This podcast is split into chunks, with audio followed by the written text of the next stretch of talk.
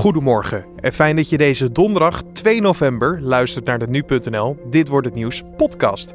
Mijn naam is Carne van der Brink en ik zal je in een klein kwartier bijpraten over het nieuws van nu, de zaken die verder deze dag te gebeuren staan en we hebben een mediaoverzicht voor je vandaag. Zometeen aandacht voor dag 2 van de politieke beschouwingen in Den Haag en het beste ziekenhuis van Nederland. Maar eerst het belangrijkste nieuws van dit moment. Het Verenigd Koninkrijk heeft woensdag aan Libië om uitlevering gevraagd van de jongere broer van zelfmoordterrorist Salman Abedi, die zich in Manchester opblies bij een concert van de Amerikaanse popster Ariana Grande. De broer zou op de hoogte zijn geweest van het plan om een aanslag te plegen. De Nederlandse fotograaf Anton Corbijn is opnieuw verantwoordelijk voor de cover van het nieuwe album van de Ierse band U2. Songs of Experience, zo heet het album, wordt op 1 december uitgebracht. Het is het 14e studioalbum van de groep. En op de hoes zie je een typisch zwart-witte Corbijn-foto. Een jongen, de zoon van Bono, en een meisje, de dochter van de gitarist The Edge, kijken hand in hand stoïcijns voor zich uit. Nederland is dit jaar maar liefst 16 plaatsen gekelderd op de ranglijst van landen waar vrouwen gelijk zijn aan mannen. Van de 16e zijn we naar de 32e plaats gekelderd. De ongelijkheid tussen mannen en vrouwen is hier toegenomen, concludeert het World Economic Forum. De politie heeft de verblijfplaats achterhaald van de tweede Oezbeekse man waar de Amerikaanse autoriteiten naar op zoek waren. De 32-jarige Kadirov werd gezocht in verband met de aanslag dinsdag in New York waar acht mensen om het leven kwamen. En dan kijken we naar het nieuws van vandaag, oftewel dit wordt het nieuws. Na het debat over het regeringsakkoord van kabinet Rutte 3 dinsdag zoeken de coalitiepartijen VVD, CDA, D66 en ChristenUnie brede steun voor hun plannen. De oppositie wordt uitgenodigd om mee te denken. Politiek redacteuren Edo van der Groot en Avinash Minki bespreken met elkaar wat vooral opviel tijdens de eerste dag van de politieke beschouwingen. Um, de uitgestoken hand die door de oppositie als het ware een beetje getest werd. Rutte die heeft, uh, heeft duidelijk gemaakt dat het beleid van hem en de vier coalitiepartijen natuurlijk, uh, dat het eigenlijk niet in beton gegoten is. Daarover valt te praten. Uh, hij heeft het zelf dus die uitgestoken hand genoemd. En van, of, uh, gisteren heb je dus eigenlijk gezien ja, dat die oppositiepartijen gingen testen. Van hoe ver kan je daar nou in gaan? Heb je een paar voorbeelden misschien? Uh, nou ja, je kan bijvoorbeeld kijken naar de dividendbelasting. het kabinet wil de belasting, moet ik het goed zeggen? Ze willen de belasting op de winst op aandelen voor buitenlandse investeerders willen ze gaan afschaffen. Zij denken daarmee dat, daar, uh, dat het vestigingsklimaat ten goede komt en ook dat multinationals dan ook in Nederland gaan blijven. Wat wel overigens wel opvallend was, dat had Buma moeten erkennen, CDA-leider Buma, is dat uh, er eigenlijk helemaal geen bewijs voor is dat de banen ook daadwerkelijk in Nederland zullen blijven.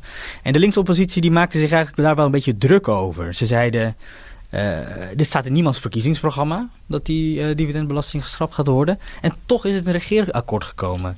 Uh, zij zagen daarin bijvoorbeeld wel een hele goede kans om uh, voor het kabinet op te laten zien wat die uitgestoken hand nou waard is. Ze zeggen schrap die, die, die, die belastingvoordeel van 1,4 miljard voor de buitenlandse investeerders. Gaan ze dat doen? Nee, ik denk, ik, denk, ik denk het eigenlijk niet. Ze hebben, uh, Segers heeft ook gezegd, uh, dit maakt onderdeel uit van een breder uitonderhandeld pakket uh, over het investeringsklimaat. Nou, eigenlijk een heel technisch verhaal wordt dat dan. Ik denk niet dat dat gaat gebeuren. Wat misschien wel gaat gebeuren is een voorgenomen bez, bezuiniging op de wijkverpleging van 100 miljoen. Nou, als je zette daar eigenlijk het kabinet al best wel vroeg in een heel lastig pakket.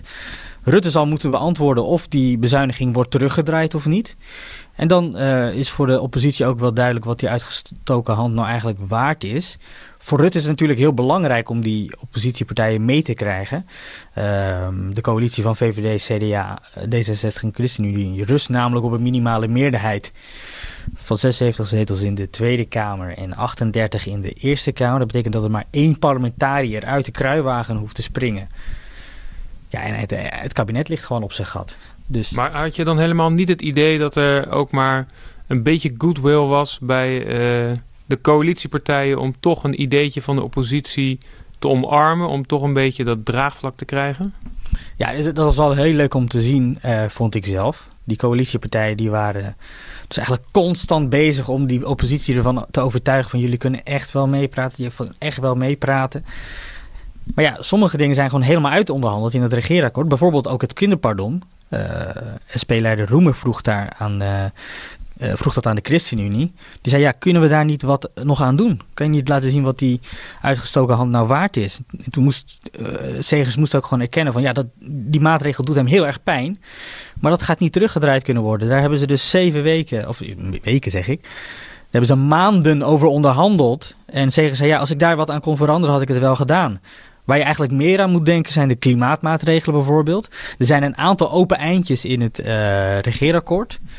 Uh, waar dus nog het hele, een hele hoop aan gesleuteld kan worden. Dus het klimaatbeleid, dat, zijn, uh, dat is de pensioenhervorming, maar ook de hervorming van de arbeidsmarkt. Daar wordt de oppositie wel heel nadrukkelijk uitgenodigd om over te praten. Wat in ieder geval wel mij in ieder geval opviel, is dat er twee mensen uitsprongen die het goed deden in het debat gisteren. Ik weet niet hoe jij daar kijkt. Ik vond Ascher en Dijkhoff wel sterk. Ja, ben, ben, ben, ik op zich wel, uh, wel, wel met je eens inderdaad. Ik wil nou tot slot uh, inderdaad nog vragen van...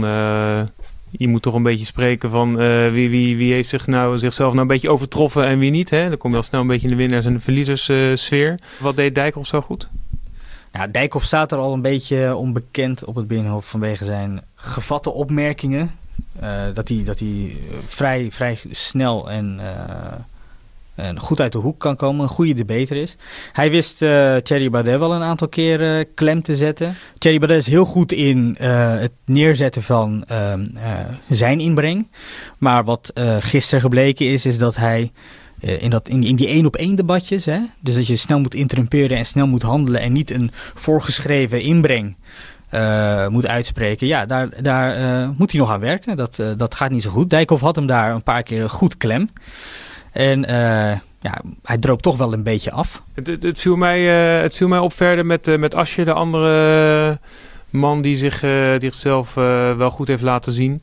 Ik vroeg mij van tevoren nog af, komt, komt Asje nog? Want die mocht als relatief kleine partij, of als kleine partij, was hij pas laat aan het woord. Vroeg me nog af, komt hij nog met een konijn uit de hoge hoed?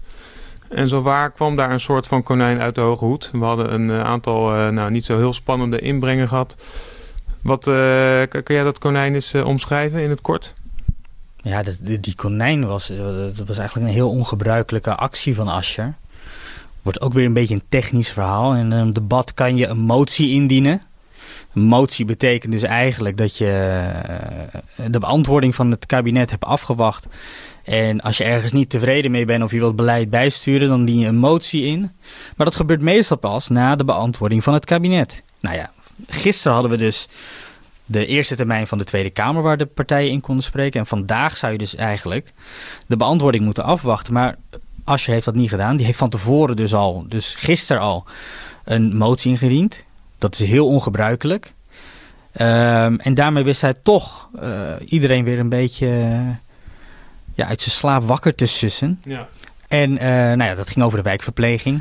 Nou, hij kreeg dus ook uh, de PVV en uh, Forum voor Democratie achter die motie. Nou, wat hij daarmee wil bereiken is dat hij uh, morgen, ik zeg morgen vandaag, dus Rutte een, tot een antwoord kan dwingen.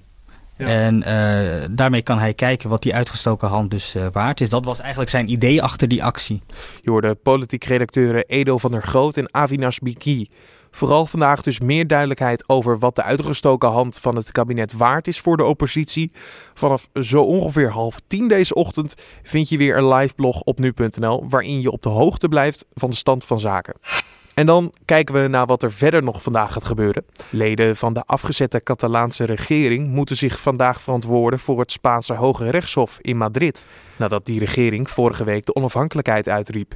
Ex-president Carlos Puigdemont is ook opgeroepen om te getuigen.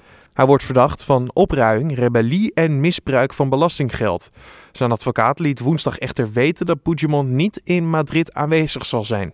In de vierde speelronde van de Europa League strijdt Vitesse vandaag voor zijn laatste kans op de overwintering. De bekerwinnaar pakte één punt uit de eerste drie duels en moet thuis winnen van Zulte Waregem om uitzicht te houden op de top 2 van groep K. De Belgische tegenstander heeft eveneens één punt. Lazio voert de groep aan met 9 punten. En OGC Nice staat op de tweede plek met 6 punten. De wedstrijd in het stadion Gelderdom begint om 5 over 9. Vandaag gaat Shell de derde kwartaalcijfers bekendmaken. De Britse Nederlandse olie- en gasgigant wist in het tweede kwartaal stevig te profiteren van de aantrekkende olieprijs. Het concern zette toen een winst van 3,6 miljard dollar in de boeken, tegenover 1 miljard dollar een jaar eerder. Shell nam vorig jaar afscheid van honderden medewerkers in Nederland in het kader van een wereldwijde herstructurering. In juli werd duidelijk dat er ongeveer 400 banen geschrapt worden. Die maatregelingen zullen in het vierde kwartaal pas worden meegenomen. Nou kijken we naar wat andere media vandaag over gaan schrijven. Mensen nemen vaker de auto of bus in plaats van de fiets, doordat fietspaden te druk worden. Dat schrijft de Telegraaf op basis van onderzoek van Kro Fietsberaad in samenwerking met het ministerie Infrastructuur en Waterstaat. Projectmanager Otto van Bochelen waarschuwt in de krant dat de fiets aan zijn eigen succes ten onder kan gaan. De grootste ergernissen van de fietsers zijn de steeds drukker wordende fietspaden, asociaal rijgedrag van andere fietsers en het groot gemis van stallingsruimte voor hun fietsen. Drie Nederlandse soldaten zijn in een eenheid in Schaarsbergen gestapt, na onder meer een verkrachting, aanranding en mishandeling. Sommige zaken waren onderdeel van de ontgroening voor de soldaten. De daders zouden corporaals en sergeanten uit dezelfde eenheid zijn. Dat zeggen drie soldaten in de Volkskrant. Er is ook een onderzoek dat het verhaal ondersteunt.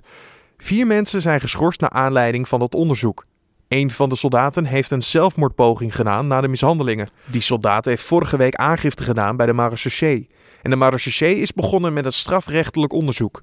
Het Rivas Beatrix ziekenhuis in Gorkum is voor het tweede jaar op rij uitgeroepen tot het beste ziekenhuis door het AD. De krant maakte eerder een lijst met de top 100 ziekenhuizen en Gorkum scoort op alle 36 punten die meetellen voor de lijst ongekend hoog. En dan nog even het weer. Vandaag is het af en toe zonnig, zijn er wolken en mogelijk een lokaal buitje. Bij een matige wind uit het westen of noordwesten wordt het smiddags rond de 12 graden. En dan nog dit.